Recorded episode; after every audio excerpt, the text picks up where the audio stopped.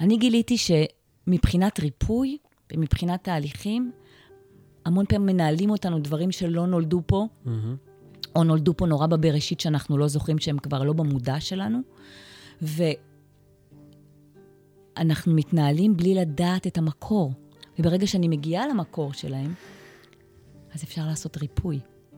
והיום, בתקופה הזאת, זה השערים הגדולים שנפתחו. היכולת שלנו להיות באמת המרפא של עצמנו. להבין למה אני כל פעם חוזרת על אותו, על אותו pattern, על אותם מערכות יחסים. למה הקשרים שלי עם הילדים שלי הם כאלה, או איך הם, למה הם באו אליי, למה אני, מאיפה זה. אף אחד בחיים האלה לא פגשנו אותו פעם ראשונה, לרבות הקרבה המשפחתית או הקרבה של אנשים שקרובים אלינו. וחשוב לציין שגם אף מקום הוא לא זר לנו. זאת אומרת, וכשאנחנו מבינים שאנחנו לא חד פעמיים, יש המון המון המון יכולת לרפא את זה ולהבין, קודם כל להבין, לפרוס את המפה המאוד מאוד רחבה. וזה לדעתי ממש משנה חיים.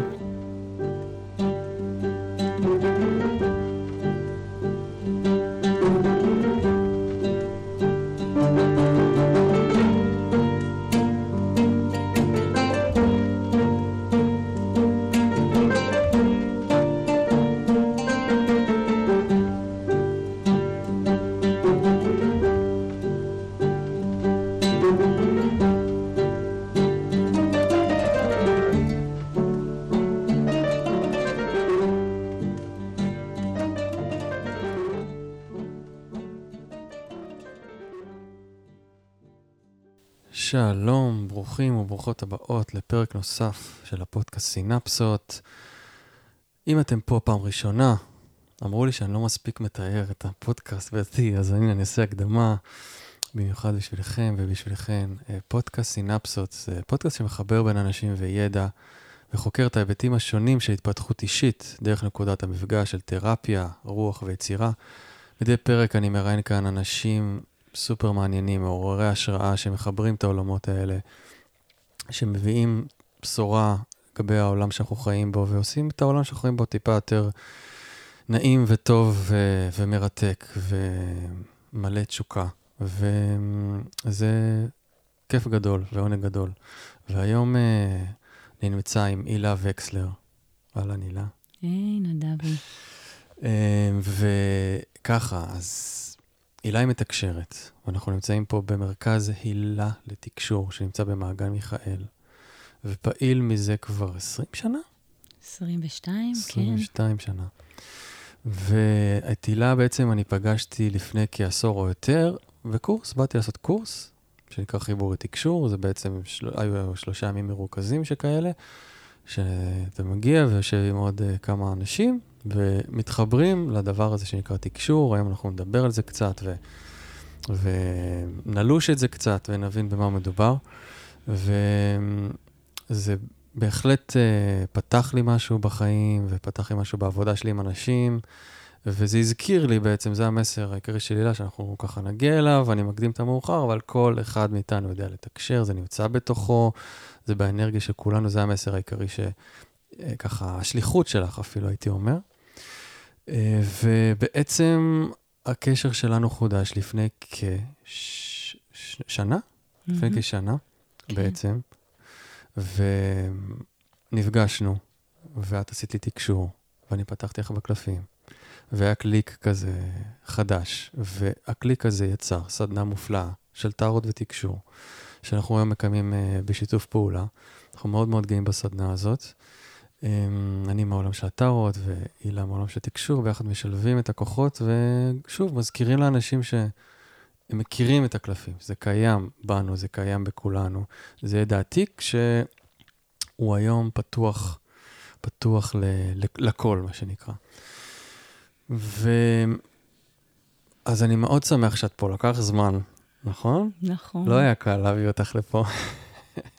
למרות שאת בן אדם שכבר עומד מול אנשים ובבמות, וכאילו, כן, סדנאות, קורסים, כנסים, אבל באמת פודקאסט זה משהו מאוד מאוד אינטימי, מאוד, חוש... לפעמים חושפני לעיתים, כן? אה, זה דורש רגע את הזמן שלו, אז הנה אנחנו פה, בטיימינג הנכון.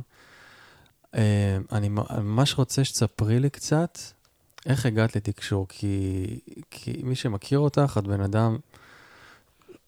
מה, זאת אומרת, אין לך שום סממן חיצוני, זה בטוח שמעיד על המקצוע שלך, אם אפשר להסתכל על סטריאוטיפים. את לא באה, זאת אומרת, ניתן לך את זה להגיד את זה, כן, אבל אוקיי, תספרי את. את לא בעולמות האלה, נכון? את בעצם באת מעולמות אחרים לגמרי. איך, איך התקשור נפל לחייך פתאום? כן. אז קודם כל, באמת אני מתרגשת. כן. Uh, כבר אנחנו מדברים על זה המון המון זמן. והאמת היא שלפני שנה שפגשתי אותך, שפגשתי אותך, פגשתי אותך בפודקאסט. שמעתי אותך בדרך ל... ל... לתל השומר. אני זוכרת ממש את הרגע הזה, וככה דפדפתי, ופתאום הגיע איזה פודקאסט, והקשבתי לו, והכל היה מוכר, אבל לא ראיתי שזה כתוב נדב, כי הייתי בנסיעה. ומילאת אותי ככה, ראשית, איזה מין חיבור למשהו שאני מכירה, אבל גם, כמובן, התוכן היה מאוד מעניין, אני כבר לא זוכרת איזה פודקאסט זה היה. ואז כשהגעתי, אני מסתכלת ואני רואה שזה נדב, ואני אומרת, וואי, איזה סימן. Mm-hmm. אני ככה באיזה בלבלה כזאת רפואית ועניינים. מיד שלחתי לך וואטסאפ, אמרתי לך, נדב, אני רוצה פתיחה ממך. Mm-hmm, mm-hmm. ואז ככה, דרך השזירה הזאת של התקשור ושל הפתיחה, ישבנו שם ביחד, ואלה רגעים של קסם, אה, שהם ככה, לא נפגשנו המון שנים, לא ידעתי איפה אתה, מה אתה, אתה בטח לא פגשת, כאילו, אותי באיזשהו אופן, כן. ופתאום נפגשנו. זה ו... אפרופו התקשור, זה, זה, זה מה שהוא מביא לחיים שלנו, נכון? נכון? את הרגע הזה שאני מרים טלפון למישהו, מישהי ככה, איזה אס.אם.אס, כן. שזה פשוט הרגשה, איזו ידיעה, או איזה קול בראש שפתאום אומר לך משהו, ואתה עושה את זה, ואתה אחרי זה דברים מתגלגלים, ואתה אומר, וואו, זה התחיל משיחת טלפון, נכון. הנה, זה הוכיח את עצמו. נכון, כן. ובאמת עברה שנה מאז, ואנחנו כבר עם סדנאות ביחד, עשינו mm-hmm. כמה, והתוכניות, וקורס שלם שאנחנו... רוצים לשזור. כן. וכל הזמן אתה ככה, הילה, בואי תעשי פודקאסט וזה, ואני ככה, איכשהו, איכשהו סירבתי.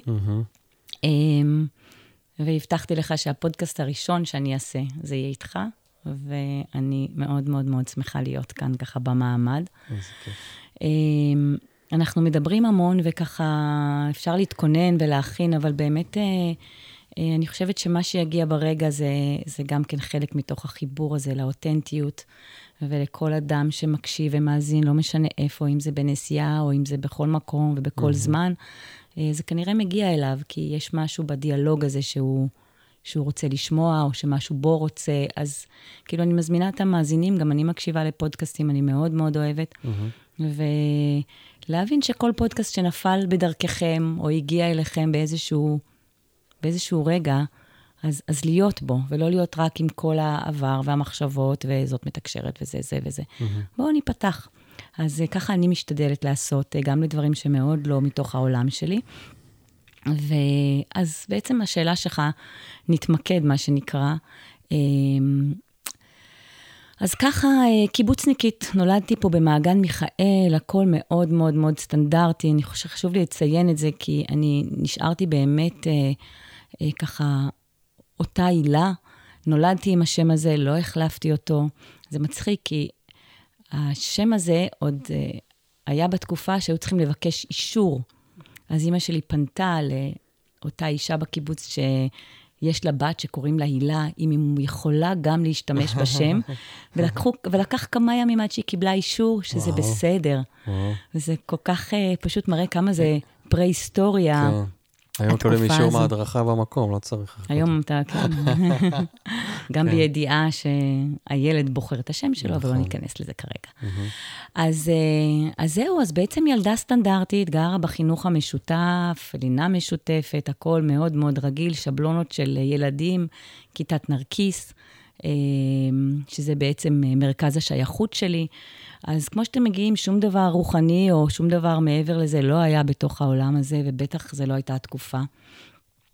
ואז בעצם, ממש רק לפני 22 שנה, אחרי שנולדה לי אה, בתי הצעירה, יש לי שלושה ילדים, והבת הצעירה שלי נולדה, ואחרי זה פתאום, אה, כן חשוב לי להגיד שאז בתקופתו עבדתי הרבה שנים בחינוך, ואחרי זה ניהלתי את הגיל הרך בקיבוץ, וכשהיא נולדה, החלטתי שאני הולכת uh, ללמוד, כי לפני כן לא למדתי, פשוט הגעתי לקיבוץ, חזרתי אחרי תקופה בניו יורק, ולא חשוב, התחלתי לעבוד, וילדים, ו- you know, מהמם. אמ, ולא עצרתי.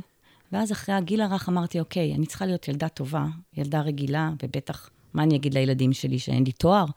אז אני חייבת ללכת ללמוד באוניברסיטה. ואחרי בערך כשנה, אה, שהילדה שלי הייתה בת שנה, יצאתי, אה, התכוונתי לצאת ללימודים, אבל לפני כן אני פשוט חטפתי התקפי חרדה ובהלה, וכאילו, ממש, דברים שלא הכרתי מלפני כן, לפחות לא ידעתי שאם זה היה, ולא ישנתי, לא אכלתי, הייתי מבועטת מהללכת ללמוד באוניברסיטה, למרות שהחלטתי, והתחיל מחול שדים בתוך הראש שלי. הייתה לי מלא תירוצים למה לא, ואני יודעת טובה בתירוצים. ולמרות זאת, אני ממש בתוך הדבר הזה של הילדה, האישה הנורמלית, אני עדיין קוראת לעצמי ילדה, אבל mm-hmm. האישה הנורמלית, אחותי כבר יש לה תואר שני כמעט, איך יכול להיות, מה אני אגיד לילדים שלי? התנהלו שם מערכות של, של אה, דיאלוגים מאוד מאוד לא פשוטים, ולא ויתרתי. אבל הייתי בחרדה מטורפת, כמעט דיכאון, וגם לא, לא משחררת. Mm. ואז אני זוכרת ש... וסיפרתי, סיפרתי שאני לא יודעת מה לעשות, כבר נרשמתי לאוניברסיטה, כבר הייתי על השביל הזה, אבל, אבל לא, לא בתפקוד. ואני זוכרת שערב אחד חברה דופקת לי בדלת, השכנה שלי, ואומרת לי, הילה, יאללה, בואי, הגיעה איזה מישהי, אולי היא תוכל לעזור לך במועדון חברים. היא אמרה מדיום או משהו כזה, ומכיוון שהייתי בכזה, אה, בכזה ייאוש, אה, אני כן חייבת להגיד רגע, אולי לא מספיק שמתי את זה לפני כן. לפני כן הייתי הבן אדם שאף פעם לא היה, אה, חשב על... זה בכלל לא עלה לי במודעות, אה, אה, רוחניות, mm-hmm. או אפילו לא הייתי במסע הודו כזה, שכן חברות שלי עשו, לא למדתי שום דבר מיוחד, כאילו, לא עשיתי שום, לא הלכתי למגדות עתידות, לא זה לא היה סביבך גם בשום צורה. שום צורה. צורה whatsoever, ממש לא. קיבוץ זה הכי, בוא נכון. תקום, תעשה, תעבוד, כאילו, כזה. כן, גם זו הייתה תקופה פרה-היסטורית, זה לא דומה למה שיש עכשיו. כן. ואז בעצם אותה חברה, נחזור לסיפור, אני אומרת לה, טוב, בייאושי הרב, יאללה, אני באה איתך למועדון, מה שלא תגידי, אני כבר, כל מה שיעזור, אה, לוקחת. ישבנו במועדון, אה, יחד איתנו התיישבו, אתם מכירים את קיבוץ, אתם מכירים את כולם, כל מיני אה, רוחניקים כאלה, אה, יוצאי הודו כאלה, סליחה, זה לא שם גנאי, זה פשוט משהו שאני מאוד לא הייתי. Mm-hmm. תזכרו, עפתי על עצמי, אז ניהלתי את הגיל הרך, והייתי מאוד, אה, חשבתי את עצמי, והציעו לי מלא מלא הצעות בקיבוץ, וכזה מין, ופתאום אני כזאת הזויה, ואני מתיישבת שם, ואני ממש לא מאמינה, למר... כאילו, לא מאמינה שאני יושבת שם, אבל אני כל הזמן נושמת כמעט, אוקיי, לה. חברה שלך אמרה, את יושבת, הגעת, ואז מגיעה מתקשרת. פעם ראשונה שאני שומעת את השם הזה, מתקשרת. אני חשבתי בכלל שהיא אומרת שהיא אה, מדברת על תקשורת, תקשורת בין אנשים, וככה כן. וככה, גישור, תקשור, mm-hmm. קיצור. והיא מתחילה לדבר על גלגולים קודמים, ועל אה, אה, מסעות בתוך, אה, ב, ב, בזמן אחר, והיא מתים, ואני מבועטת מה, מהמקום הזה של, הילה, איזה בושה. Mm-hmm. כאילו, באמת, הייתי במצב של כאילו לא האמנתי, והתביישתי שיראו אותי פה. זה מה שהיה לי בראש, סליחה שאני כזאת mm-hmm, mm-hmm. פשוטה, אבל זה באמת מה שהיה mm-hmm. לי, לא היה לי שום דבר אחר בראש, רק שזה ייגמר ונברח מפה. לא ממש האזנתי למה שהיא אמרה, היא כן השתמשה בכל מיני אה, מידות של קולות, השמיעה קולות, והדליקה נרות וקטורת, והכל היה שם כזה אה, רוחניקי כזה. ואיך שזה נגמר, באמת אין לי מושג מה היא ממש אמרה שם, הייתי כל הזמן עסוקה בבושה שלי. אמרתי לחברה שלי, בואי נעוף מפה, והיא אמרת לי, שנייה, שאני חייבת לשאול את השאלה הקטנה. והיא ניגשה אל המתקשרת, ואומרת לה, האם את יכולה לעזור בחרדת למידה? והמתקשרת אומרת לה, בטח. והחברה שלי לא התבלבלה, וקבעה לנו פגישה למחרת בבוקר במבוא חמה. עוד הגולן. נסיעה, כן. אני לא מאמינה למשמע אוזניי. למחרת בבוקר, אני והחברה שלי לוקחות האוטו מהסידור של הרכבים ונוסעות למבוא חמה. מתיישבת שמה, אני עדיין לא מאמינה שזה קורה לי, אני פשוט באמת כנראה בייאוש ומוכנה לקבל כל זה, מתיישבת שמה. ואותה מתקשרת, דרך אגב, קוראים לה לבנה סיאון, והיא ככה הייתה מאוד פורצת דרך. ב, ב, אני, אין לי Mm. קשר איתה כרגע, אבל היא הייתה מאוד, uh, בזמנו היא הייתה מאוד פורצת דרך, וכנראה אחת היח, היחידות, לפחות שאני פגשתי. ואני יושבת והיא מתחילה באמת כל מיני סיפורים, וככה, וזה מוסר לך ככה, ואת צריכה ככה, והיא עבדה בכל מיני שיטות, והשתמשה בקול ורשמה רישומים. אני לא יודעת בכלל מה היה שם, אני, אני באמת רק רציתי שזה יסתיים. זה גם לא היה לי נעים במיוחד, כי פשוט הייתי עסוקה בב, בב, בביקורת של עצמי. אבל זה נגמר, חזרנו הביתה, ופעם ראשונה, אחרי חודשים, נרדמתי, ואכלתי, והרגשתי טוב. אז התפיסה שלי אומרת שעם עובדות לא מתווכחים. ועם זה המשכתי. פגשתי אותה עוד כמה פעמים, הייתה בדרך לתל אביב, הייתה באה למעגל מיכאל, והיינו יושבות והיא הייתה מדברת. אני אף פעם לא שאלתי שאלות, אני אף פעם לא הבנתי עם מי מדבר, היא מדברת, אבל אני לא מתווכח, מתווכחת עם זה שאולי זה קצת סייע. ובפגישה הרביעית בערך, היא, ניג... היא מגיעה, והיא פתאום, היה לה הרבה דפים שהיא מילאה כל מיני דברים שהיא כותבת, ובאיזשהו שלב היא מוציאה את כל הדברים ואומרת, איפה הדפים שלך? איפה הדפים שלך? איפה? אני אומרת...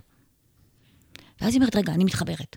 והיא התחברה, והיא באיזשהו שלב אומרת, הם, הם אומרים לי שזה מפגש אחרון שלנו, ומעכשיו אתם הולכים בעצם לדבר, כאילו, אתם מחברים אחד את השני, זאת אומרת, אתם הולכים לתקשר. כאילו, את הולכת לתקשר איתם ישירות בלעדיי. עכשיו, אני עד אז, לא הבנתי בכלל מה זה תקשור. לא הבנתי בכלל שהיא מדברת עם המים כאלה. פשוט הגעת לפגישה ואמרת, טוב, אני מרגישה פה טוב אחר כך, אבל משהו קורה פה, אין לי מושג מה. לא התעניינתי אפילו, כאילו, כזאת פדיחה. וכזאת בורה הייתי. ובעצם הם התחילו להגיד, הם אומרים דרכה, שוב, הם אומרים דרכה, כי ככה זה תקשור מתקיים, שהילה תקבע לנו זמן לפגישה אישית. אני אומרת, מה זה איתה? את כבר לא באה? אני אפילו לא מבינה. והיא אומרת לי, הילה, תקבעי איזשהו זמן שאת יכולה להיפגש איתם. אז אני אומרת לה, מחר בערב. ואז הקול הזה דרכה אומר, מחר בערב לא טוב, את תהיי עייפה. אנחנו נגיד לך מתי. שישי, שמונה בבוקר, תשלחי את, את בעלך עם הילדים, תישארי בשקט, תדליקי נר, שוב, אם את רוצה, נייר ועט, תגידי שלוש מילים, ואנחנו מגיעים. כמו איזה, כאילו קבעו לי איזה פגישה עם טכנאי. לא הבנתי, אמרתי, טוב, יאללה, בסדר. זהו, אנחנו נפרדנו לשלום. ידעתי שיש לי איזו פגישה משונה ביום שישי, אמרתי לגל, הבעל שלי, תקשיב, ככה התחלתי להתפתל שם באיזשהו אופן, אמרתי לו, ככה וזה, לא יודעת מה. אני כן יכולה להגיד שמה שנורא הבהיל אותי, זה כל הזמן היה לי איזו מחשבה אה, הזויה כזאת, שאם אני לא אעשה, או אם אני לא אתפנה, יקרה משהו לילדים שלי. באמת זה מה שניהל אותי. ממש, כאילו, כאילו היה לי איזה מין תנאי כזה, או איזה, זה היה משהו, מחשבה מאוד מאוד חשוכה, אבל היא, היא, היא קידמה אותי, כי עובדה ש...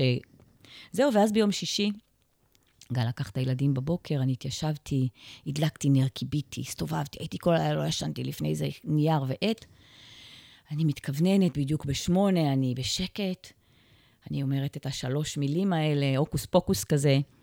לא גמרתי להגיד, ופתאום אני מרגישה כאילו בראש שלי מתקיים איזושהי, כמו איזה מין יורדת קומה, פאק, כזה, כאילו יורד לי איזשהו וופ כזה, איזה לבנה כזאת, עוצמה כזאת יורדת פנימה, ממש הרגשתי כמו קצת סמי כאב ראש כזה, mm-hmm. אבל כובד ראש. ופתאום, הכובד ראש הזה מתחיל לנהל אותי. אוקיי, הילה, שלום, בואי, תכתבי, אנחנו מתחילים להכתיב לך שאלות. ואני מתחילה לכתוב שאלות הזויות, שבחיים לא הייתי שואלת את עצמי. כל מיני שאלות, כמו למשל, איך, היית, אה, מת, איך היה מתקיים לדעתך עולם ללא כסף? אני, אני חיה בקיבוץ שיתופי. מה, אני יודעת מה זה עולם ללא כסף, וכך וכך, ואני מתפלפלת וכותבת, וככה אנחנו, כל מיני שאלות כאלה, שבחיים לא הייתי שואלת את עצמי, כי הן באמת לא מעניינות, והן אבל זה היה מין דיאלוג כזה, ובאיזשהו שלב אני עונה תשובה, ופתאום אומרים לי, תעלי שורה אחת למעלה. אוקיי, אני עולה, מסתכלת, ואז אומרים לי, את רואה שכתבתי עם שגיאת כתיב. כתבת מוכרחה ככה במקום ככה. ופתאום אני חטפתי הלם ואמרתי, וואלה, איזה פדיחה, משהו באמת רואה אותי, ומתקן לי גם שגיאות. כאילו, אם אני הייתי יודעת, הייתי מתקנת, זאת אומרת, אם הייתי רואה את עצמי, פתאום זה נתן לי דווקא איזה גושפנקה לזה שזה ממש ממש לא אני. אז אוקיי, אם זה לא אני, אז מי זה? מה זה הדבר הזה? לא שאלתי את עצמי יותר מדי שאלות. בתום הרבע שעה שיחה כתובה כזאת, בעצם אמרו לי, תראי, הילה, חבל, חבל על כל מילה כרגע. מה שאנחנו רוצים ממך זה רק דבר אחד. את ביום ראשון מתחילה ללמוד בתל אביב. את תיסעי ברכבת, אנחנו צריכים את הזמן שלך ברכבת. ונגיד לך בדיוק מה, אני אומרת לו, מה זה אומר? אז בעצם נשמע קול, כאילו... עכשיו יישמע לכם קצת הזוי שאני אגיד שומעת קולות, אבל זה לא בדיוק שומעת קולות, זה יודעת. כאילו, זה היה ידע מאוד מאוד, אחרי שזה היה כתיבה שהיא עברה דרכי כביכול, אחר כך הגיע איזושהי מין, לא שומעת קול חיצוני, אלא הקול כאילו מתמזג דרכי. אולי בהמשך עוד נדבר על איך עובד תקשור, אבל זה כאילו ממש בפרה-היסטורי, בהתחלה, לפני, לפני 22 שנה. ואז בעצם, הם עוד אומרים לי, את תיסעי בהסעה של הקיבוץ לתחנת הרכבת, כבר אז תודיעי שאת נורא עייפה, ואת מתיישבת ברכבת, את עוצמת עיניים ואנחנו משוחחים. הלוך וחזור. לא נשמע מאמץ גדול מדי. אמרתי, בסדר. וככה היה באמת בנסיעה הראשונה, באה חברה שאמרת, תקשיבי, אני גמורה מעייפות. ממש, ביצעתי כל משימה כמו שצריך. ישבתי ברכבת, ובעצם מתחיל להגיע מידע שרואה אותי, שמכיר אותי יותר טוב מעצמי, מידע אינטליגנטי ברמות שהאינטליגנציה שלי לא הייתה יודעת להפיק אותו אפילו. לא הבנתי כאילו מה זה החוכמה הזאת, מה זה האיכות הזאת שמתגלה לי. אה, הייתי מתה להגיד שזה אני, mm, אבל כן. זה לא היה עד עכשיו, זה באמת לא היה אני. אבל זה היה, המגנות היה שלי, בוא נגיד, ניקח פה איזשהו, נתפוס פה איזשהו טרמפ, אבל הפניות הייתה שלי. ובעצם היה איזשהו דיאלוג מתמשך, תקופה די ארוכה, כאילו ברכבת הלוך חזור, שבעצם היה כל כך אמ, אה, עמוק לתוך חיי. בעצם השיחות הכי עמוקות שהתקיימו, התקיימו שם ברכבת מבנימינה עד תל אביב, כמה פעמים בשבוע, הלוך וחזור. ואז אני מגיעה ללימודים, והלימודים היו כל כך משעממים. הסטטיסטיקה, כל זה. אני אומרת לעצמי, יואו, מה קורה פה? כאילו, לצערי הרב, ההדרכה גם לא כל כך עזרה לי בלימודים, היא לא גילתה לי תשובות וככה, ולא הצליחה לרענן את זה כל כך ולהפוך את זה למשהו מאוד מאוד מעניין. אני זוכרת פעם אחת שגם כן הייתה מאוד מכוננת, בעוד היא נוסעת, תחשבו כמה חודשים, אני כן יכולה להגיד שכבר אה, אף אחד לא ידע. זה הסוד, כי בתפיסת... רשמת את כל הדברים האלה? לא, שום לא. דבר. Mm-hmm. אבל בתפיסת עולם שלי, תחשוב שאני כאילו מנמנמת, כן? אף אחד mm-hmm. לא יודע מה אני עושה. בתפיסת עולם שלי, בן אדם ששומע, של אז שומע קולות, הוא צריך להתאשפז, אז mm-hmm. כל הזמן היה לי דוק של פחד, שבמקום הכי שפוי שלי, והכי, מוצ... והכי משמעותי שלי, אני משתגעת. Mm-hmm. ואני הכי לטובתי בהשתגעות שלי. ואם אני אספר את זה, אז יאשפזו אותי. כאילו, זה היה חד משמעית, לא היה לי בכלל מחשבה שלא יאשפזו אותי. עכשיו, תראה את הדי, הדיסוננס הזה, כי מצד אחד זה ה... איך אני קוראת לזה? האי של השפיות שלי, מצד שני, האי הזה של השפיות שלי הוא אי שפויות. בתפיסה של, ש, שיש לי. וחוץ ממני ו, ו, וגל, אף אחד לא ידע. כי פשוט הייתי, וגם לא דיברנו על זה אף פעם. אבל כן היו המון המון תגובות בתוך החיים שלי, שאנשים הם, אה, כאילו אמרו, וואו, כאילו, היו הרבה דברים שכבר קרו מאחורי הקלעים. קודם כל הייתי נורא רגועה. טקטקתי שלושה ילדים, כאילו, הכל היה פיקס, אבל, אבל, אבל ב, ב, ברוחב זמן, ברוחב נוכחות, אם לפני זה הייתי תמיד תקתקנית, אבל לפני כן הייתי לחוצה, פתאום ירד הלחץ. פתאום הייתי על מקומי, כאילו הייתי בן אדם נוכח. Mm-hmm. זה פשוט היה מדהים, בלי מאמץ גדול, פשוט כי, כי פתאום זה קרה. כי הדיאלוגים... זה בזכות הידע שקיבלת, או האנרגיה עצמה? כן, היה דיאלוג נורא נורא נורא נורא עמוק להיכרות, להתבוננות, להבנה שאני... אה, להבנת המציאות של עצמי, אה, לצאת כאילו מהשבלונה. כאילו קיבלת שעת טיפול שבועית הכי, הכי כאילו, הכי קלאס 6, הכי מעמיקה, הכי מעניינת. זה מעניין, כאילו היה לך ממש את ה... ממש. היה לי מנטור, אבל זה כן. היה לא שבועי. אה, פעמיים ביום. פעמיים ביום. אוקיי. זה היה ממש מה מסאז' לנשמה. שנקרא... כן, כן. עבדו איתי מאוד חריש. עמוק. היה, היה הרבה להוצ... היה הרבה התבוננות שם, היה מקומות מאוד מאוד, אה, מאוד סגורים. הייתי ממש כמו איזה כמה סוד זמן זה כמוס. נמשך, הדבר הזה? שנה? שנתיים? כמה? לא, ההתחלה הזאת נמשכה בערך חצי שנה, הנסיעות הקבועות האלה.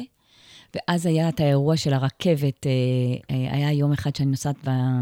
ללימודים, ופתאום באמצע השיחה כזאת העמוקה הזאת, התבוננו על איזשהו משהו וככה, פתאום אומרים לי, הילה, אספי את הדברים שעכשיו את יורדת מהרכבת, בית יהושע.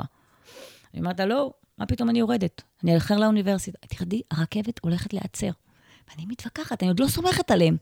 כבר איזה ארבעה, חמישה חודשים, אנחנו נוסעים יום-יום, מקום הכי טוב, האיש של השפיות שלי, כמו שאמרתי. ואני לא סומכת, ואני לא יורדת. עוצרת הרכבת, וכל הזמן אני שומעת, הילה, תרדי, תרדי, תרדי. לא יורדת. פשוט אבלה. הרכבת, ואני מבסוטית, אחרי זה נגמרה, ירדים לתחנה, ממשיכים הלאה, אני לא יורדת, כן? רכבת נוסעת עוד 100 מטר ונעצרת באמצע הפסים. נעצרת באמצע הפסים.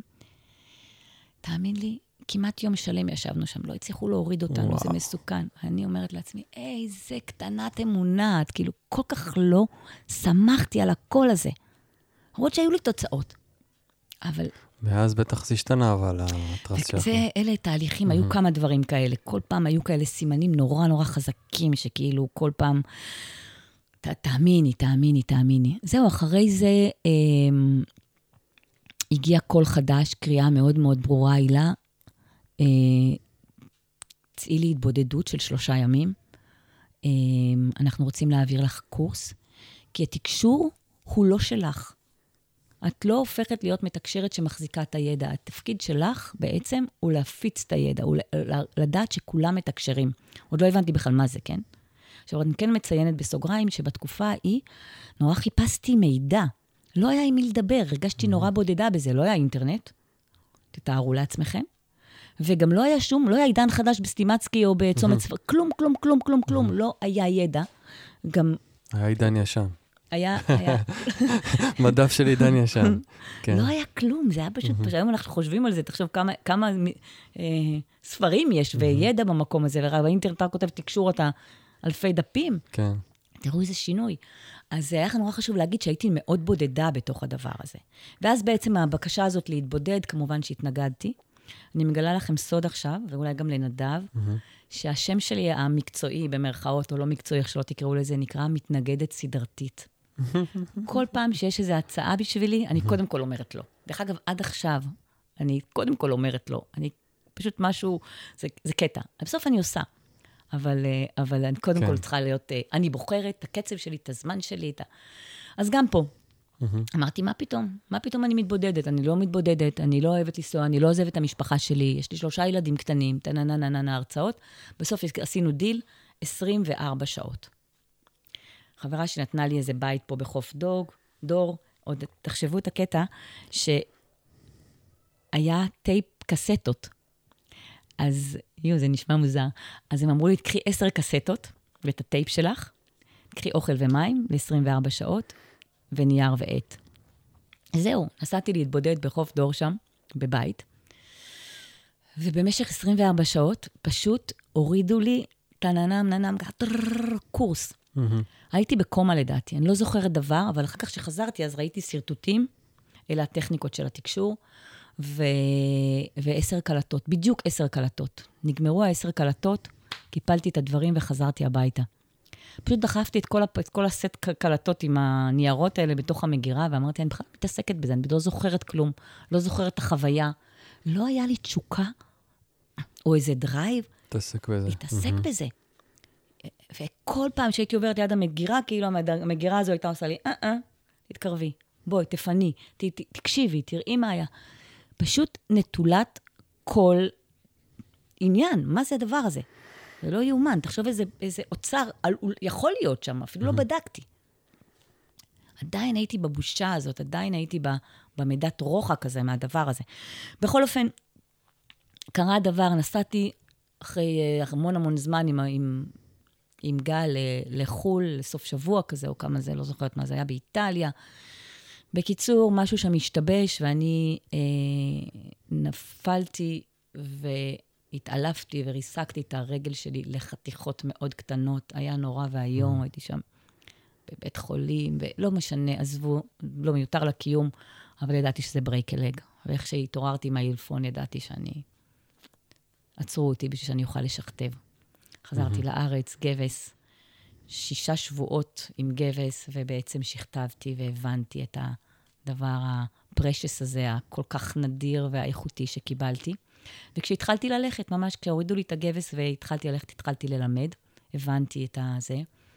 ומאז כבר אה, אלפי אנשים לומדים את הטכניקה. זו טכניקה, כל מתקשר מלמד בדרך אחרת, כל מתקשר הוא גם ממגנט את, ה, את התקשור שמתאים ל, ל, לאנרגיה שלו, ל, ל, להיותו. Mm-hmm. וה, והטכניקה הזו היא טכניקה אה, שהיא מאוד מתאימה לי, היא מאוד פרקטית. אני בכלל טוענת שכל דבר רוחני אה, באשר הוא, לרבות תקשור, כי זה בעיקר מה שאני מכירה, הוא עבורי איננו רלוונטי אם הוא לא מתכתב לתוך החיים. אם לא אחרי שאני אה, קיבלתי מסר, אני לא יכולה לתרגם אותו לתוך המציאות, או הוא לא מקרב אותי יותר לתוך מה שאני צריכה לעשות פה בחיים האלה, בגוף הזה, בזמן הזה. מבחינתי זה, זה... הוא לא רלוונטי. אבל זאת התפיסה שלי, ואני. לא שוללת תפיסות אחרות, זה בסדר גמור, אבל אז זה הדומה מושך דומה הזה, זה מאוד דומה אליי. וגם הלימוד שלי בכל השלבו, השלבים והרמות, הוא תמיד מאוד פרקטי. הוא תמיד להגשמה, הוא תמיד לדייק את עצמך, הוא תמיד להבין בעצם איך להפוך את האמורפיות הזו של תקשור, של אינטואיציה, של חלומות, של אפילו דז'ה וו, או של כל התחושות בטן, אה, סימנים, איך להפוך אותם למשהו שאני מבינה אמ, מה עושים עם זה. Mm-hmm. איך זה מתפרקט לתוך החיים שלי, איך זה אה, מתבהר לי לתוך למה אני מקבלת את זה. ופה זה בעצם הדיאלוג הזה עם כל המרחב התודעתי הזה של תקשור. זהו, רק לגמור את הסיפור. מאז אני... בהתחלה התחלתי לא ללמד במעגן מיכאל, לימדתי מלא מקומות בארץ, ולאחר מכן הבנתי שאני רוצה ללמד בבית שלי. אני כן יכולה להגיד ש... אה, מיכאל, לא, בהתחלה לא היה כל כך פשוט לקבל את הנושא המש, המשונה הזה של בכלל, צריכים לפתוח עסק, ואתה זה, ומה, אין לך תעודות, מה את, מי את וזה. ובעצם, אה, בסופו של דבר הגענו, זה סיפור ארוך, אבל אני לא אכנס לזה, אבל גם עם ההדרכה בעצם הובילה אותי להגיד, אה, אוקיי, מה אתם מבקשים ממני? איזה, איזה סכום כסף אתם מבקשים? בואו נרד לפרקטיקה. וברגע שאמרו לי שהם רוצים שאני אביא סכום כמו פלס און, או כמו כך וכך, היה לי הרבה יותר קל להתארגן. ומאז אני אה, יזמות או ענף, בתור, איך שלא נקרא לזה, בתוך הקיבוץ. כן, אנחנו עדיין קיבוץ שיתופי. Mm-hmm. אה, איך קיבלו את זה, אבל אז בהתחלה? אה, תראה, היה פה דיסוננס לא פשוט. בכלל, כל, חיי הם, כל חיינו הם דיסוננס. כי אני אה, סופר רגילה, ניהלתי את הגיל הרך של מעגן מיכאל. המשפחה שלי היא משפחה רגילה מאוד, כאילו, בעל שלי הוא מנהל, וכאילו, אנחנו אנשים, אף אחד לא יכול להגיד עלינו שאנחנו אה, הזויים, mm-hmm. ויש בו בעיה. איך יגידו שהילה עושה, עוסקת במשהו נורא רוחני כשהיא נורא נורמלית? אז, אז פשוט לא אמרו. לפחות אני לא שמעתי. ויותר מזה אני אגיד, יאמר לזכות קיבוץ מעגן מיכאל שיש פה המון אנשים רוחניים, יש פה המון אנשים בכלל, אבל יש פה גם המון אנשים מאוד מאוד מאוד מחוברים לעצמם ולרוח. ואני יכולה להגיד, ואני לא חושבת שאני טועה, כי אני פעם בדקתי את זה, למעלה מ-90% מהאנשים של מעגן מיכאל, לא מדברת על ילדים, היו אצלי או במפגש אישי, mm. או בקורסים. היו תקופות שכל המזכירות שלנו הייתה מזכירות, כל האנשים שמנהלים את הקיבוץ היו מחוברי תקשור. אמ, ו... כי זה בתוך החיים. כי זה בעצם להפוך את האינטואיציה, את תחושת הבטן. גם היום אנחנו מדברים מתוך תחושת בטן. לא כל דבר הוא משנה סדורה שקראנו בתוך האנציקלופדיות, או, כן. אלא המון פעמים אנחנו מביאים מה אני מרגיש, מה אני חושב, וכשאנחנו מבינים איך לנטל, לנתב את זה, אז אנחנו בהחלט יכולים להשתמש בתקשור. אמ, אז, אה, אז אני, אני חיה בסביבה אה, מאוד מאוד רוחנית ומאוד מקבלת, ומעולם לא הרגשתי שיש איזושהי ביקורת. אה, אולי לא שמעתי, אבל זה לא משנה, זה לא רלוונטי, זה פשוט לא היה מבחינתי. כן. בואי נדבר קצת מה זה אומר הדרכה. ציינת הרבה את ההדרכה, וזה, מה, מה זה אומר? זאת אומרת, למי שלא בעולם הזה של תקשור, מה זה בדיוק הדרכה? אמ, אני ברשותך אתחיל שנייה עם רגע, מה זה תקשור? Mm-hmm. ככה, ואז נבין מי מתקשרים. למרות שאני כבר אומרת שזה, אה, אני הרבה זמן מתלבטת בהסבר של מה זה תקשור. אה, אני, אני כתבתי ספר, והחלק הזה הוא לא לגמרי שם אה, שלם בתוך הספר. הוא עוד מעט יוצא לאור, אבל כרגע אנחנו על, על הנקודה הזו. ואני אתן דווקא איזושהי התבוננות ככה שיכולה אולי לשפוך אור. אז תקשור הוא, הוא הרגש. כשאנחנו מתקשרים, אנחנו בתוך איזשהו אמ, חוש של רגש מסוים. ואצל כל אחד זה מגיע קצת במופע אחר. יש מי שזה יותר אה, ויזואלי, יש מי שזה יותר תחושתי, יש מי שזה יותר שמיעתי, יש... ואפשר גם לפתח את כל החושים האחרים, אבל בעיקר זה חוש. Mm-hmm. והוא קיים אצל כולנו, בצורה, אני יכולה להגיד את זה בצורה חד משמעית. גם אם לא בצנרת המגנות הזה של כמו תקשור, אבל... אמ, אינטואיציה, אני כן? תמיד, כן, אני mm-hmm. תמיד רואה את זה כמו למשל, אה, האם אתה יכול, נדב, להסביר לי איך מתאהבים? Mm-hmm. ההתאהבות שלך, אתה יודע כשאתה מתאהב, לדוגמה. אבל אתה לא יודע להסביר לי כדי שזה יקרה גם אצלי אותו דבר. זה מין מקומות כאלה שכשאנחנו יודעים, אנחנו יודעים. כשזה קורה, אז אנחנו קורה. אתה יכול להגיד פרפרים בבטן, אתה יכול להגיד תחושה של התמלאות, אתה יכול להגיד כל מיני דברים, אבל זה לא בהכרח יהיה ככה אצלי. כי אני לא יודעת מה זה הפרפרים שלך. אז באמת המון פעמים אנשים שואלים, אז, אז איך זה מתקיים? איך זה עובד? ובאמת זה להפוך את האמורפיות הזו להנכחה, להרגש, לאני יודעת. לזה פה. אני בהתחלה תיארתי ככה, כשהרגשתי בהתחלה כזה קצת כאב ראש וקצת, כי, כי אני התנגדתי. אני לא פתחתי את המרחב הזה. והרבה פעמים כשאנחנו פותחים מרחב, אז הרבה יותר קל. בדרך כלל תקשור זה חוויה מאוד נעימה, mm-hmm. מאוד נעים להיות בתוך תנועה של תקשור. Um, זה כמו איזה מין עטיפה כזאת, אתה מרגיש שאתה נוכח. ומבחינת עם מי מתקשרים, אז קודם כל זה, זה אינסופי. ואני קוראת לת... לתקשור שאני מתקשרת, הדרכה. כי כמו שיש לנו, אני הולכת לחדר כושר, יש לי מדריך, אני, או מדריכה, אני הולכת לטיול, יש לי מדריכה. גם פה, לעולם, לעולם הידע הזה, לעולם התודעה הזו, גם יש הדרכה. היא פשוט שופעת, כמו שיש מיליון מדריכים לכל מיני דברים אחרים. ו... והדרכה בעצם זה כמו איזה, כמו קוד כזה. אני כן יכולה להגיד שבקורסים אני מלמדת המון המון המון אפשרויות, עם מי מדריך אישי, שזה ה, ה, התודעה המאוד ראשונית. זאת אומרת, כל אחד שנולד, יש לו מדריך, הדרכה אישית. מדריך, מדריכה. אנחנו הענשנו אותם מבחינת להפוך אותם כמו איש או דמות, כדי שיהיה לנו יותר קל להתנהל איתם, אבל הם באמת חלק מאוד מאוד פנימי בתוכנו. ויש כמובן עוד רובדים לתוך זה, מאוד מאוד בסיסי. כל העניין של סימנים ורמזים מהיקום, זה, זה פשוט מדברים אלינו כל הזמן. כאילו, יש פה איזשהו, יש פה, יש פה שיחה, היא הרבה יותר רחבה, דיאלוג עם הטבע וכולי וכולי. לא נרחיב בזה. וכשאני מדברת על הדרכה, אני מדברת על טיפה מעבר, וזה מדבר באמת על אה, אנרגיות, ישויות, אה, מלאכים, צינורות יקומיים, בריאות, בריאה, בריא, בורא, בריאה וכולי, שבעצם יודעים להצטנר אלינו, כמו להתמגנט אלינו, וכל אחד בעצם יכול להתחבר. נקרא לזה כרגע הדרכה, קבוצה שמתאימה לו. אני כן אומר שבקורסים שאני מלמדת המון המון אפשרויות, זאת אומרת, להתחבר גם לזה וגם לזה וגם לזה, כדי לבחור, כדי להכיר.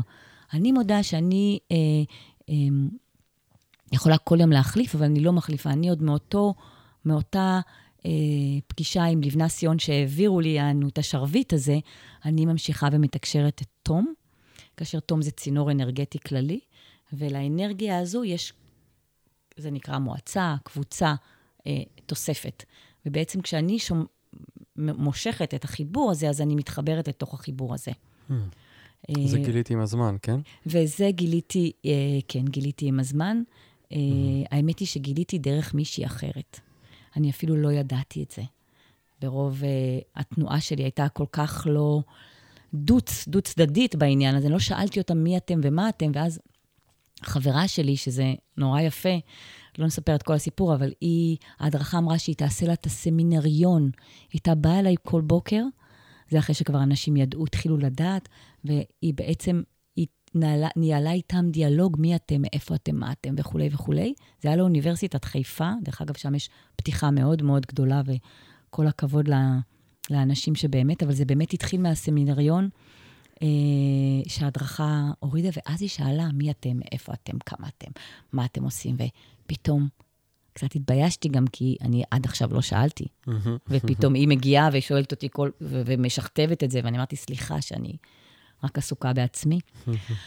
אז אה, טוב, אז אה, בעצם, אה, אז הדרכה היא מאוד מגוונת ויש שפע מאוד גדול, ואנחנו, ברגע שנפתחים לעולמות האלה, אז רק מגלים שזה באמת, כמו הקלישאה אומרת, שזה אינסופי, ואפשר לבחור כל יום משהו אחר, ואפשר לתקופות לקחת הדרכה כזו, ואחרי זה להחליף אותה, ויש חלק מההדרכות שאנחנו גם ניזונים בהן, או, או מזמינים אותן מתקופות קודמות, הדרכות שאנחנו היינו. מה זאת אומרת? תסבירי. זה אומר ש... אמ, כאן אנחנו קצת גולשים לעניין של גלגולים קודמים, ואנחנו אולי נתייחס אליו. אתה יודע, בוא ניכנס שנייה לזה. כן, בטח, בסדר? חייבים. אז, אה, אז לאורך השנים, אני גיליתי שהדבר שהכי אמ, פורץ דרך, הדבר שאולי פחות היה לפני, זה היכולת שלנו לנוע בזמנים.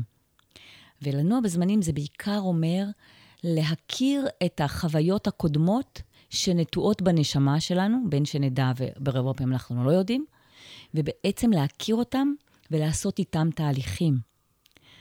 וגם אנחנו יכולים לראות מה הפוטנציאלים שלנו. וזה אומר בעצם להיות בציר זמן אחר, לא רק של הכאן ועכשיו, אלא לנוע, לנוע בזמנים. אני גיליתי שמבחינת ריפוי ומבחינת תהליכים, המון פעמים מנהלים אותנו דברים שלא נולדו פה, מהמם. או נולדו פה נורא בבראשית שאנחנו לא זוכרים שהם כבר לא במודע שלנו, ואנחנו מתנהלים בלי לדעת את המקור. וברגע שאני מגיעה למקור שלהם, אז אפשר לעשות ריפוי. והיום, בתקופה הזאת, זה השערים הגדולים שנפתחו. היכולת שלנו להיות באמת המרפא של עצמנו. להבין למה אני כל פעם חוזרת על אותו, על אותו pattern, על אותם מערכות יחסים, למה הקשרים שלי עם הילדים שלי הם כאלה, או איך הם, למה הם באו אליי, למה אני, מאיפה זה. אף אחד בחיים האלה לא פגשנו אותו פעם ראשונה, לרבות הקרבה המשפחתית או הקרבה של האנשים שקרובים אלינו, החברים, ה- האלה שאנחנו עובדים איתם. וחשוב לציין שגם אף מקום הוא לא זר לנו. זאת אומרת, וכשאנחנו מבינים שאנחנו לא חד פעמיים, יש המון המון המון יכולת לרפא את זה ולהבין, קודם כל להבין, לפרוס את המפה המאוד מאוד רחבה. וזה לדעתי ממש משנה חיים. אז אני יכולה להגיד שהכלי הכי משמעותי שאני מלמדת ואני רואה אותו גם בעצמי, וריפא אותי, וכל הזמן הוא מת, מתחולל בחיי, זה הכלי של הגלגולים. אמ, אני יכולה גם לתת דוגמאות אם אתה רוצה. בטח, זה אומר, בעצם, רגע, אני נותן לזה פה עוד הסבר. זה, זה אומר שבעצם יש לנו חוויות חיים קודמות. זאת אומרת, מבחינת הזמן, אנחנו לא יודעים אם זה היה ב, ב, מבחינת הזמן, הרי אין, אין זמן באינסוף, כן? זה יכול להיות קדימה בזמן או אחורה בזמן, אבל יש יחידות חיים אחרות שבהם קרו דברים, לפעמים נו, קשים מאוד, אני ככה אומר את זה במקטין קצת, קש, קשים מאוד. אמ, והדבר הזה ממשיך להשפיע על אנשים, מבחינה נשמתית ממשיך להשפיע עלינו, נכון? זה כאילו בלא מודע שלנו, ואנחנו מייצרים מציאויות חיים, בין אם זה במערכות יחסים, בין אם זה בכסף, בין אם זה ב, ב, בכל דבר. אנחנו הולכים עם הדפוס הזה ואנחנו אומרים, למה אני לא מצליח לצאת מהדפוס הזה? ומה שאת עושה, בעצם מגיע לך בן אדם לפגישת ייעוץ, ואת, וההדרכה פותחת איזשהו פתאום חלון כזה, לאיזשהו סרט, ואת מדברת את הסרט הזה, והאדם שומע את המקור שממנו הדבר הזה התחיל. נכון? ושם יש כוח מאוד מאוד מאוד גדול לחולל שינוי. הרבה אנשים אומרים, מה זה יעזור לי להבין את הדבר הזה? אבל זה משהו שהוא יותר מ... מהבנה, זה איזשהו קליק שקורה הרבה פעמים בזיכרון הנשמתי. ברגע שהנשמה שומעת את זה, ואנחנו אומרים, את יודעת, אנחנו, אתה כבר במקום אחר, אתה כבר, עושים את זה הרבה בתרפיה בשחזור גלגולים, שאני למדתי את זה מזמן, אתה כבר לא, אתה כבר במקום אחר, אבל, אבל להיות רגע ב, במקור, משחרר אותנו לחופשי, נכון? זה, זה מה שאת רואה גם, שוב ושוב ושוב? גם, כן. אה, ההבנה שאני לא סתם חרדתית, mm-hmm. שלחרדה שלי יש, יש סימוכין. יש שורש, כן. כן, אם אני כל כך מפחדת מלילה, למשל, ואני מגלה שהפחד לילה הזה הוא פחד מתקופה של חושך מאוד גדול, לדוגמה בשואה, שהרבה מאיתנו סוחבים כל מיני, אה, אה, וזה יחסית גם קרוב, אז זה מאוד מאוד רוטט. קרוב גם, יש לזה... וזה גם עבודה שאת עושה הרבה עם השואה, נכון? אה, זה הרבה פעמים עולה, כי mm-hmm. השואה מאוד קרובה והיא גם נורא נורא נמצאת פה, זאת אומרת, היא, היא חיה חוזרת. עדיין כן, בינינו. היא, היא מאוד כן. חיה.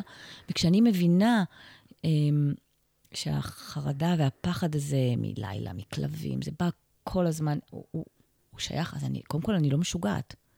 ואז אפשר לעשות עם זה תהליך. Mm-hmm. זאת אומרת, מה שההדרכה מובילה אותנו זה קודם כל להכיר.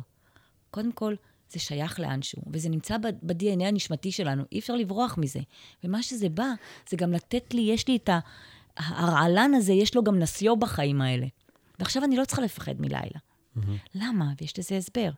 וגם אני לא צריכה, וכאילו למצוא את השביל הזה, וזה באמת התנועה, התנועה ב, ב, בתקשור, שאנחנו יכולים לעבור. זאת אומרת, הטכניקה, אני בעיקר מדברת על זה שאני מלמדת אנשים לעשות את זה עבור עצמם. כמובן שמי שבא לייעוץ אישי, הוא גם יכול שאחרים, שאני אעשה לו את זה, אבל, mm-hmm. או אחרים, אבל המתווה שאני כאילו מובילה, או מה שהכי חשוב לי, או השליחות במרכאות ולא במרכאות שלי, זה באמת שזה שייך לכולנו. Mm-hmm. ואנחנו צריכים מישהו שיגיד לנו יותר.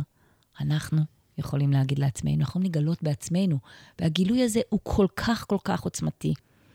אז אני, אה, האמת היא שלפני כמה זמן היה פה, אה, זה, זה דבר רווח שמגיע, יש לי אלפי סיפורים. אבל אה, משהו... שהרבה מהם בספר, אני רק אגיד, אעשה איזה טיזר, נכון. שהוא תכף יוצא, אנחנו עוד לא יודעים אה, מתי שהוא יצא, אז אנחנו... איזה כיף זה, אנחנו... איזה כיף זה ספר במגירה. הספר שלי כבר המון זמן במגירה. כן, כן מכיר ו... את זה טוב. אני יודעת, כן. כן.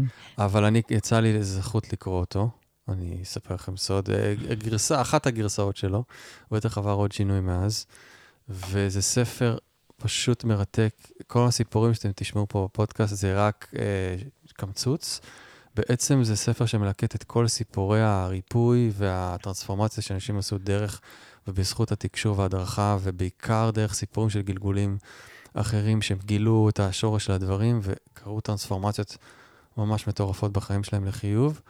וזה בדרך, ואנחנו אה, נכריז על זה בריש גלי כשזה יגיע, אבל, אבל זה משהו מאוד מאוד מהותי בעבודה, נכון? זאת אומרת שהתקשור שאת עושה זה, נכון.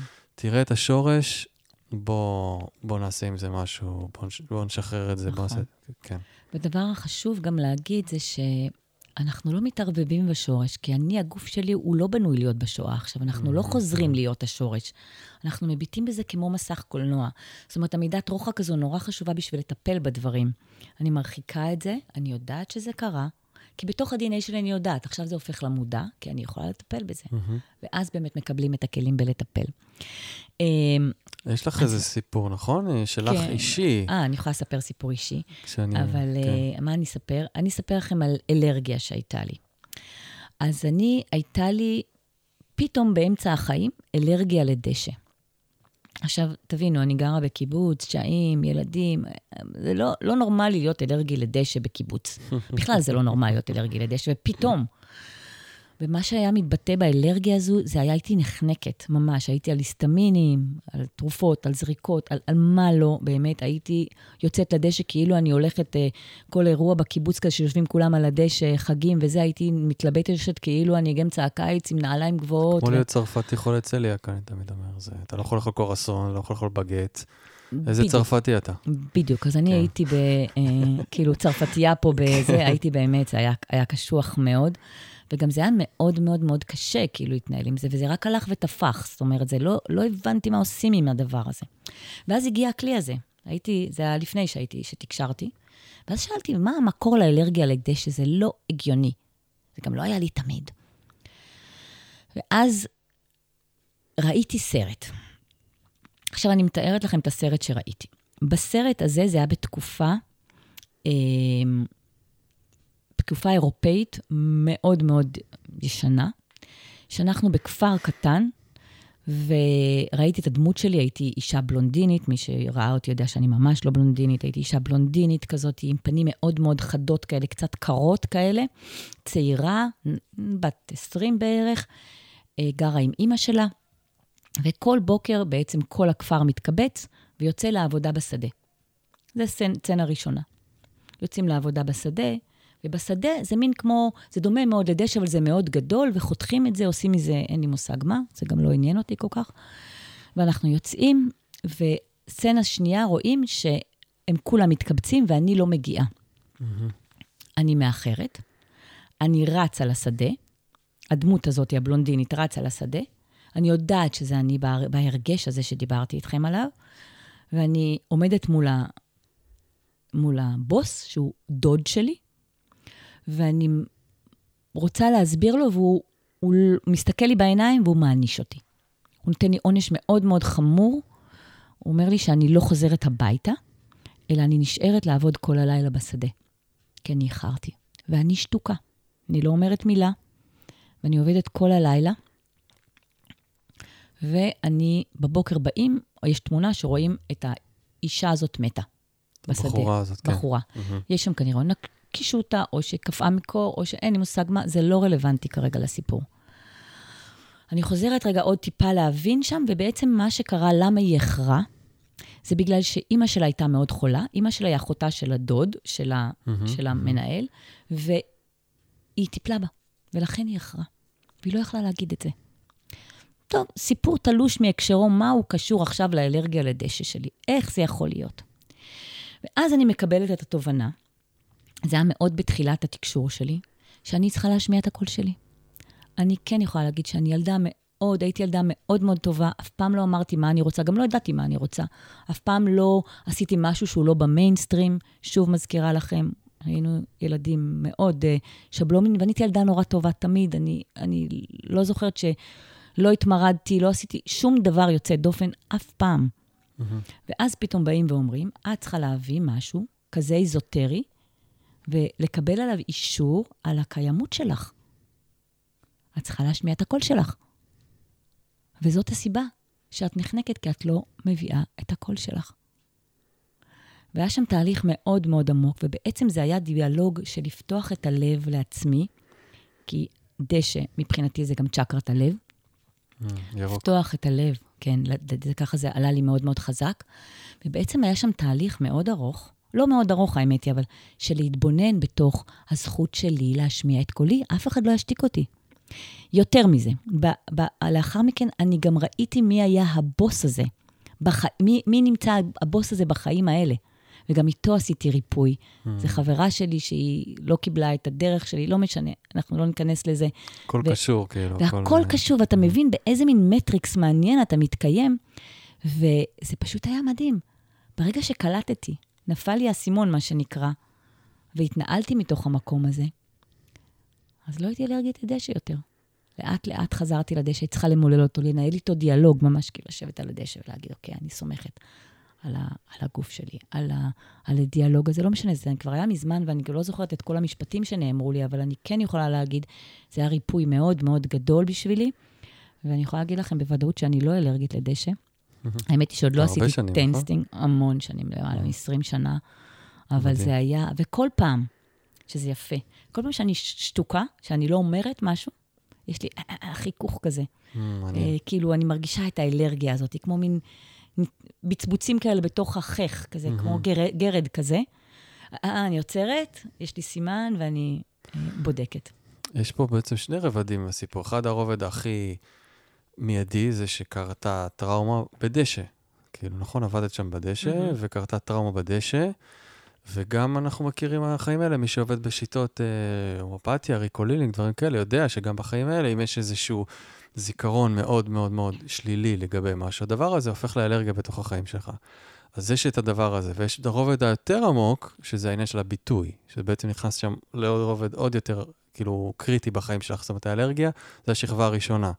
היה אחרי זה עוד שכבה של אני לא מספיק מבטאת את עצמי וכן הלאה, ומקסים, כן. ואז בעצם הפכת למנחת קורסים, ועכשיו אתה עושה פודקאסט, לצורך העניין, בסדר, 20 שנה אחר כך, אבל אה, כן, זה מעניין מאוד, זאת אומרת, זה נכון. ממש טרנספורמציה. על פניו, ראית איזשהו סרט, הייתי יכולה להגיד לעצמך, נו, מה, זאת אומרת, אה, יאללה, דמיינתי משהו.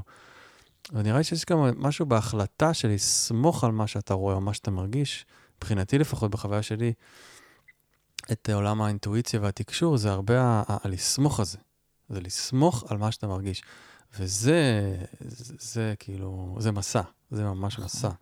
פשוט לסמוך, זה, זה הופך לרגש, זה ממש בגוף, אני מרגיש את זה הרבה פעמים בגוף, ברגש. ולמדתי ממש מה שלקח לי הרבה איסורים, איסורים, איסורים, אבל הרגע הזה שאני פשוט, אני, אני יודע ש, שמה שעובר דרכי הוא, הוא פיור, הוא עבור האדם האחר. ו, וזה חייב להיות נקי. זה חייב להיות מנוקה מהאגו שלי וכן הלאה וכן הלאה. אז uh, מדהים. ויש באמת באמת uh, מאות סיפורים של אנשים נכון. שעברו כאילו את אני- התהליך הזה. אני כן אה, ככה אה, אה, אומר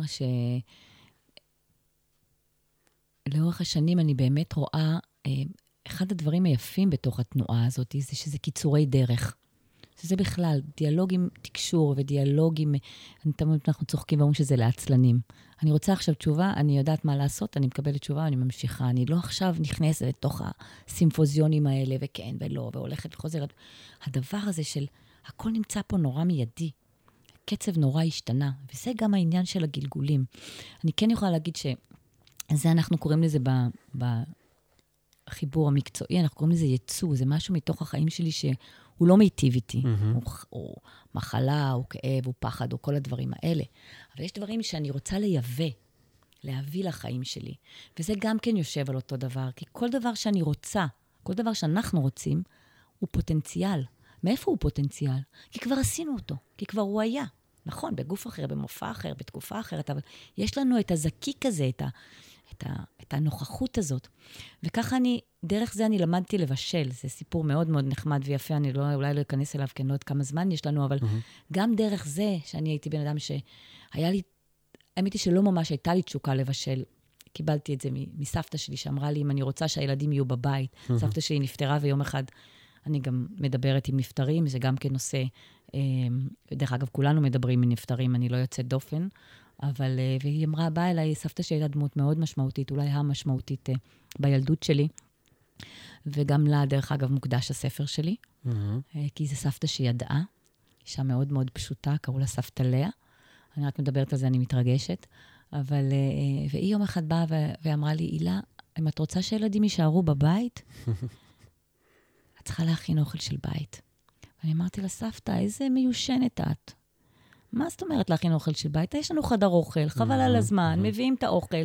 גם לא אוכלים בבית, הולכים לחדר אוכל, חוזרים. מה הסיפור? יש לנו המון דברים ביחד, ושיחות, ומשחקים. אמרה לי, לא. אוכל של בית הוא נשמה. את חיה, היא הייתה חופרת לי על זה כל פעם שהיינו מדברות, שוב, היא מתה, כן? היא לא הייתה חיה, אבל היא כל פעם אמרה את זה. הבנתי שזה משהו נורא נורא חשוב. ואז פשוט חזרתי גם כן לתקופה אחרת שבה כן הייתי בחיבור הזה. אני לא אלאה אתכם על הסיפור הזה, אבל אני כן אומר לכם שאני בשלנית חבל על הזמן. אני, אל תיקחו בזכות. ה... רק בזכות זה, למה? כי אני ייבא- ייבאתי, הבאת. מבחינת יבוא, אוקיי. את התשוקה, לא זאת שאני אלמד אה, בפי האינטרנט, זה סבבה, אבל אני בתשוקה לבישול. מדהים. אני מבשלת באמת עם כל ה... זה אנשים, כאילו, הילדים שלי מחכים לאוכל, מזמינים אוכל, זה נורא חשוב לי. כל יום וואו. שישי כשכולם בבית זה ממש, אני לפעמים גם מגזימנית קצת, אבל, אבל כי זה בא מתוך תשוקה, והיא מרגע היא עובדת לי, התשוקה הזו לפעמים כן, כי אין לי אותה באוטומט, אני צריכה, אני הבאתי אותה, אני כל הזמן צריכה להחיות אותה. אז אני מתחברת לאותה דמות, קראו לה מאמה, לדמות הזאת, ואני, יש לי את התשוקה לבשל, אני יודעת, אני יודעת, פתאום נפתח לי הריח, פתאום נפתח לי, נפתח לי הטעם. לא היה לי, תזכרו מאיפה אני באתי. אין אצלנו, אימא שלי אף פעם לא בישלה. אין, אין, אין, לי. שום, אין לי שום יכולת להתחבר, או ל... זה רק היה לי אוכל של חדר אוכל. אצלי לא אוכלים בחדר אוכל. וואו, זה מדהים. ו- וזה זה ריפוי מאוד מאוד גדול, שלכולנו יש זכות לקבל אותו. כל אחד והעניינים שלו. אני... זה יום-יום מתקיים, ו... ו- כאילו וזה... פותח אה, מניפה של, אה, אפרופו הטכניקה שלך, של, של ההדרכה שנקראת המניפה, פותח מניפה של אה, אופציות, פתאום רגע, אני לא רק צריך להיות מי שאני בחיים האלה עם, ה, עם היכולות שלי וה, והטמפלט שבאתי איתו, וה, וה, והתרבות שלי והילדות שלי וכן הלאה. פתאום אני יכול, בום, ללכת לאיזה שמן באי שמה, ו, ו, וזהו, ואני שם. ואני נכון, באיזה נוכחות, זה מדהים. נכון, ממש. אנחנו יכולים להביא כל דבר שאנחנו רוצים. כי לא סתם לך יש את הרצונות שלך. Mm-hmm. הארסנל רצונות שלך, הוא נקבע הם מראש. הם גם קשורים לאיזה כן, שורש. כן, תחשוב שכשלפני שהגענו לכאן, אנחנו לא חטפנו מה שבא מפנוי בגימל, אנחנו מאוד, מאוד אה, השקענו... היינו מדויקים. מאוד, mm-hmm. לפרטי פרטים, בדיוק.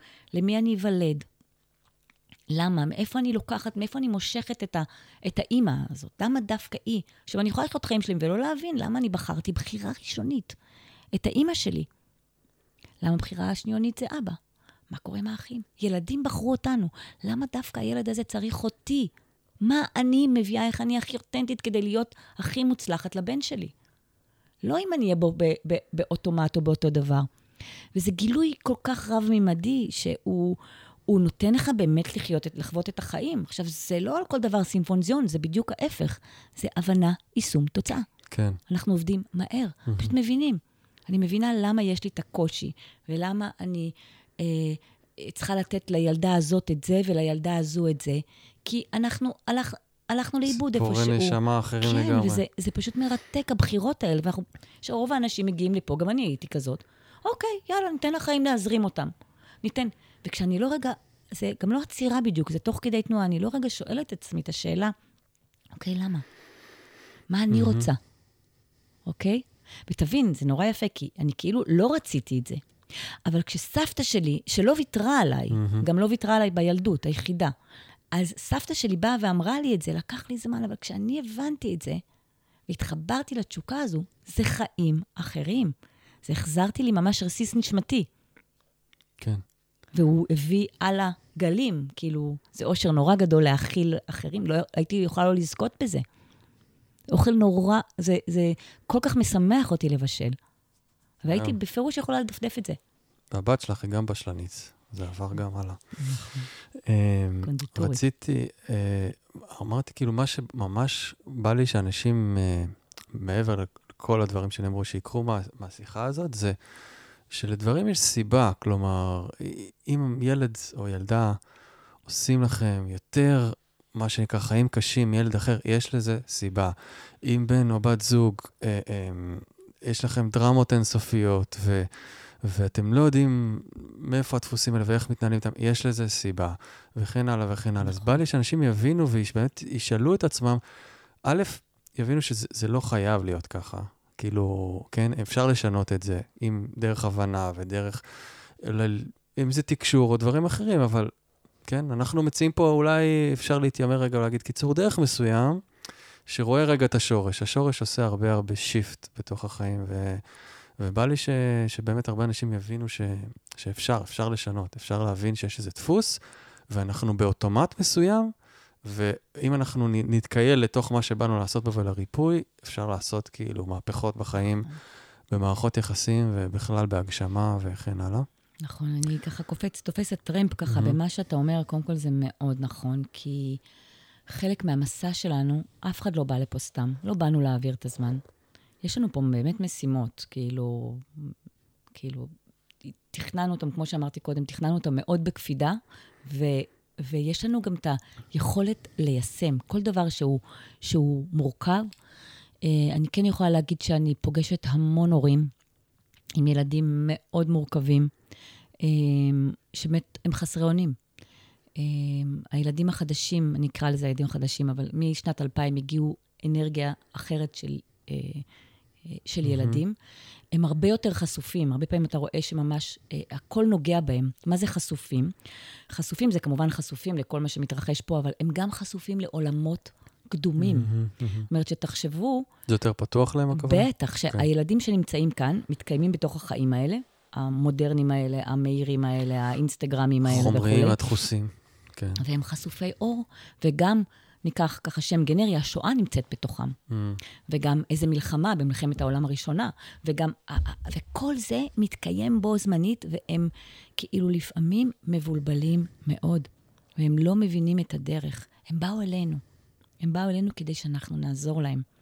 ואם אני לא אבין למה הילד הזה הגיע אליי, דווקא הוא, כי משהו בי, בהתפתחות שלי, בתהליך שלי, בריפוי שלי את עצמי, מת, מתועל גם אליו, הם הרבה פעמים דוחפים אותנו. יש לנו ממש שם כזה שנקרא כן. ילדים דוחפים הורים. מהמם. הם דוחפים אותנו להתפתח. אנחנו לא ממש. יכולים להיות שאננים להם, הם פשוט, הם מזיזים כל התפתחות. דבר. כן, הם, כן. הם, הם, הם, הם, הם, עוש- הם דרמות, הם עושים דרמות. מהמם.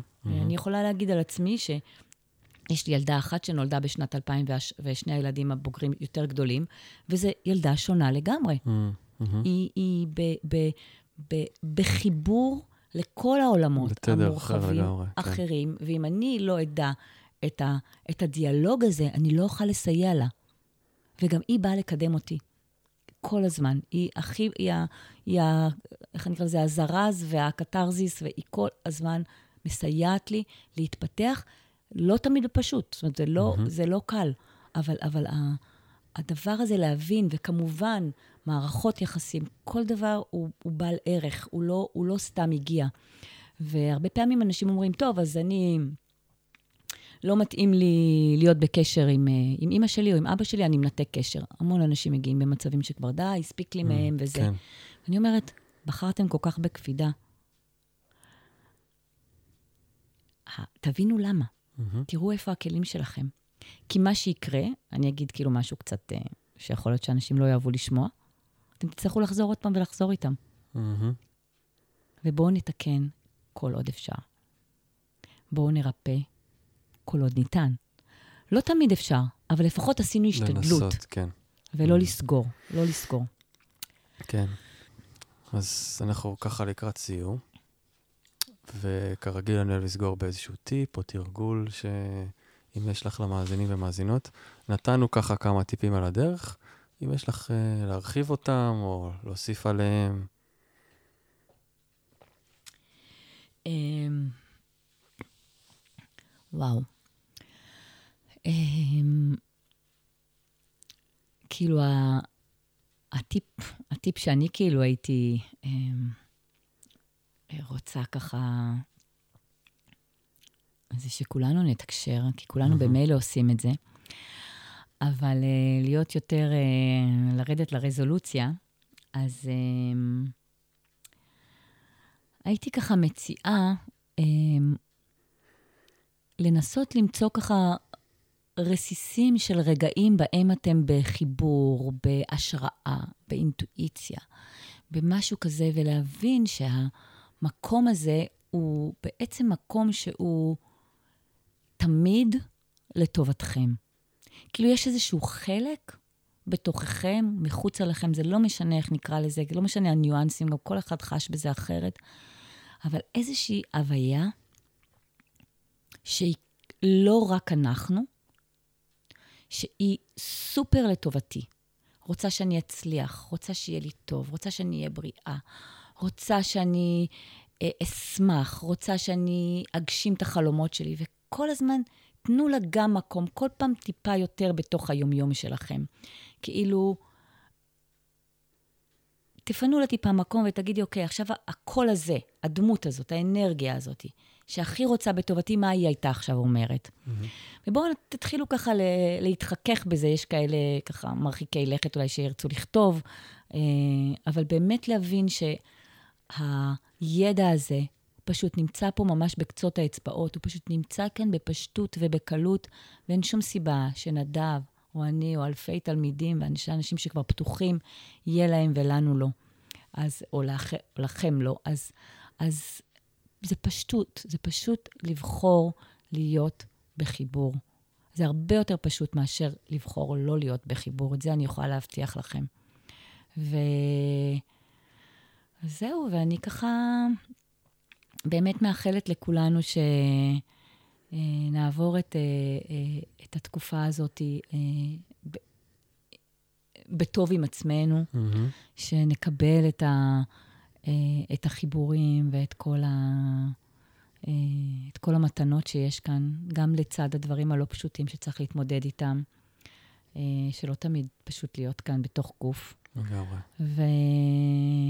ולעשות עבודה, היא, זה לא משהו שהוא צריך להטריח. זה יכול לבוא בלעשות עבודה פנימית ברכות ובנעימות. כי תקשור, ובכלל חיבור לרוח, זה חייב לבוא בנעימות. כמו להתאהב, ו- כמו שאמרת. כן, ממש כמו ככה. התאהבות. זה ממש התאהבות. מהמם. זה לא בא ו- במאמץ, זה לא בא ב... ממש לא, כן. זה פשוט, וזה נעים, וזה... והרבה פעמים שומעים אותי, זה נורא מפחיד, ויגלו לי, וזה... אה, כל הנבואות האלה, זה, זה, זה, זה לא אמת. אין פה נבואה, זה יש פה הישן. כן. פוטנציאלים, הכל אפשרי כמעט. ואנחנו צריכים להבין מה אפשרי בשבילנו בתוך הדבר הזה. אמ, כן.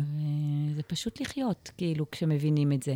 לא תמיד קל, אבל זה יותר פשוט בתוך הסיטואציה. כן, אני אוסיף אה, על מה שאמרת, אולי ככה מהזווית שלי, זה פשוט לשאול שאלה ולבקש איזשהו סימן שיבוא בכל דרך אפשרית, לא משנה איזה דרך, אל, אל תתקבעו על, אה, על דרך שזה בו אמור להגיע, ואתם ממש תהיו מופתעים. כאילו, זה יכול לבוא תוך יום, זה יכול לבוא תוך חודש, אין זמן כאילו בזה, אבל, אבל זה יבוא, ואתם, ברגע שזה יבוא, אתם תדעו, הגוף שלכם יגיד לכם שזה זה, ואז תדעו שנכנסתם ל... זה קרה לי גם בקורס תקשור איתך, לי דברים, דברים מטורפים, כאילו, ממש. כן. אמ, וזה ממשיך לקרות כל הזמן. נכון. אה, פשוט תבקשו, תבקשו מה אני צריך לעשות פה, איך נכון להתנהל שם, תנו לי סימן. זה יכול לבוא פתאום מטלפון של מישהו, פתאום איזה אס.אם.אס, פתאום משהו שאתם רואים בפייסבוק, בכל דרך אפשרית, בום, יהיה לכם את הרגע הזה שתבינו שזה זה. נכון, אוקיי. וגם אם תגידו שזה מקרי, זה בסדר, זה מקרי, מה זה משנה? כאילו, אל תסתבכו אחרי זה עם הטרמינולוגיה של זה. אז- כן, אז- היקום כבר דואג לסידורים האלה, אנחנו לא צריכים לדאוג לזה. נכון, אה, והתחושה הנורא חזקה שעולה מתקשור, שאנשים מתחברים לתוך התדר הזה, נקרא לו, אה, זה שמרגישים שהם כבר לא לבד פה. מהמם. זו הרגשה שהיא היא, היא נורא בילד אין שאנחנו לבד פה, שאנחנו, אם אין אני לי מי לי, אני אתמודד, אני... ויש איזו תחושה שהיא ברמת התחושתית, אבל גם בפועל, שיש איזה מין ערסול כזה, שאנחנו פה באיזושהי, אנחנו פה לא לבד. מהמם. וזה קוד חדש לתנועה הרבה יותר פשוטה במרחב. הרבה יותר קל לחיות כשאני מבינה שאני לא לבד, ולא זה שיש לי משפחה וככה, זה תחושה. השגחה, כן. כן.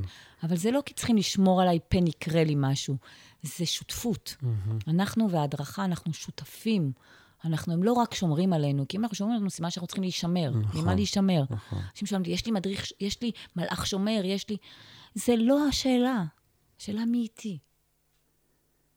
לא מתוך פחד, מתוך זכות. תודה רבה. אלה. תודה. תודה, תודה לכם. תודה לכל מי שהקשיב. ואנחנו כמובן נשים עם פרטים, מי שרוצה ליצור קשר עם הילה, לאתר שלה, לכן הלאה. יש שם עדכונים על קורסים ועניינים, וגם על הסדנה שלנו, כשהקרובה שתהיה, אה, אני מקווה שנשים כן. אה, לינק. גם על לא- המסעות לדה מנור, שזה אה, נכון, ה- לא, דיברנו על זה, כל שזה פעם גם, ויש מסעות טרנספורמציה מאוד חזקים ב... זה צריך פרק אולי. בפני עצמו. אוקיי. אז אה, מחכה כן. לכם עוד הפתעות בטח, בדרך, בטח. ונתראה שוב, ותודה רבה. תודה, נדבי. תודה. איזה כיף.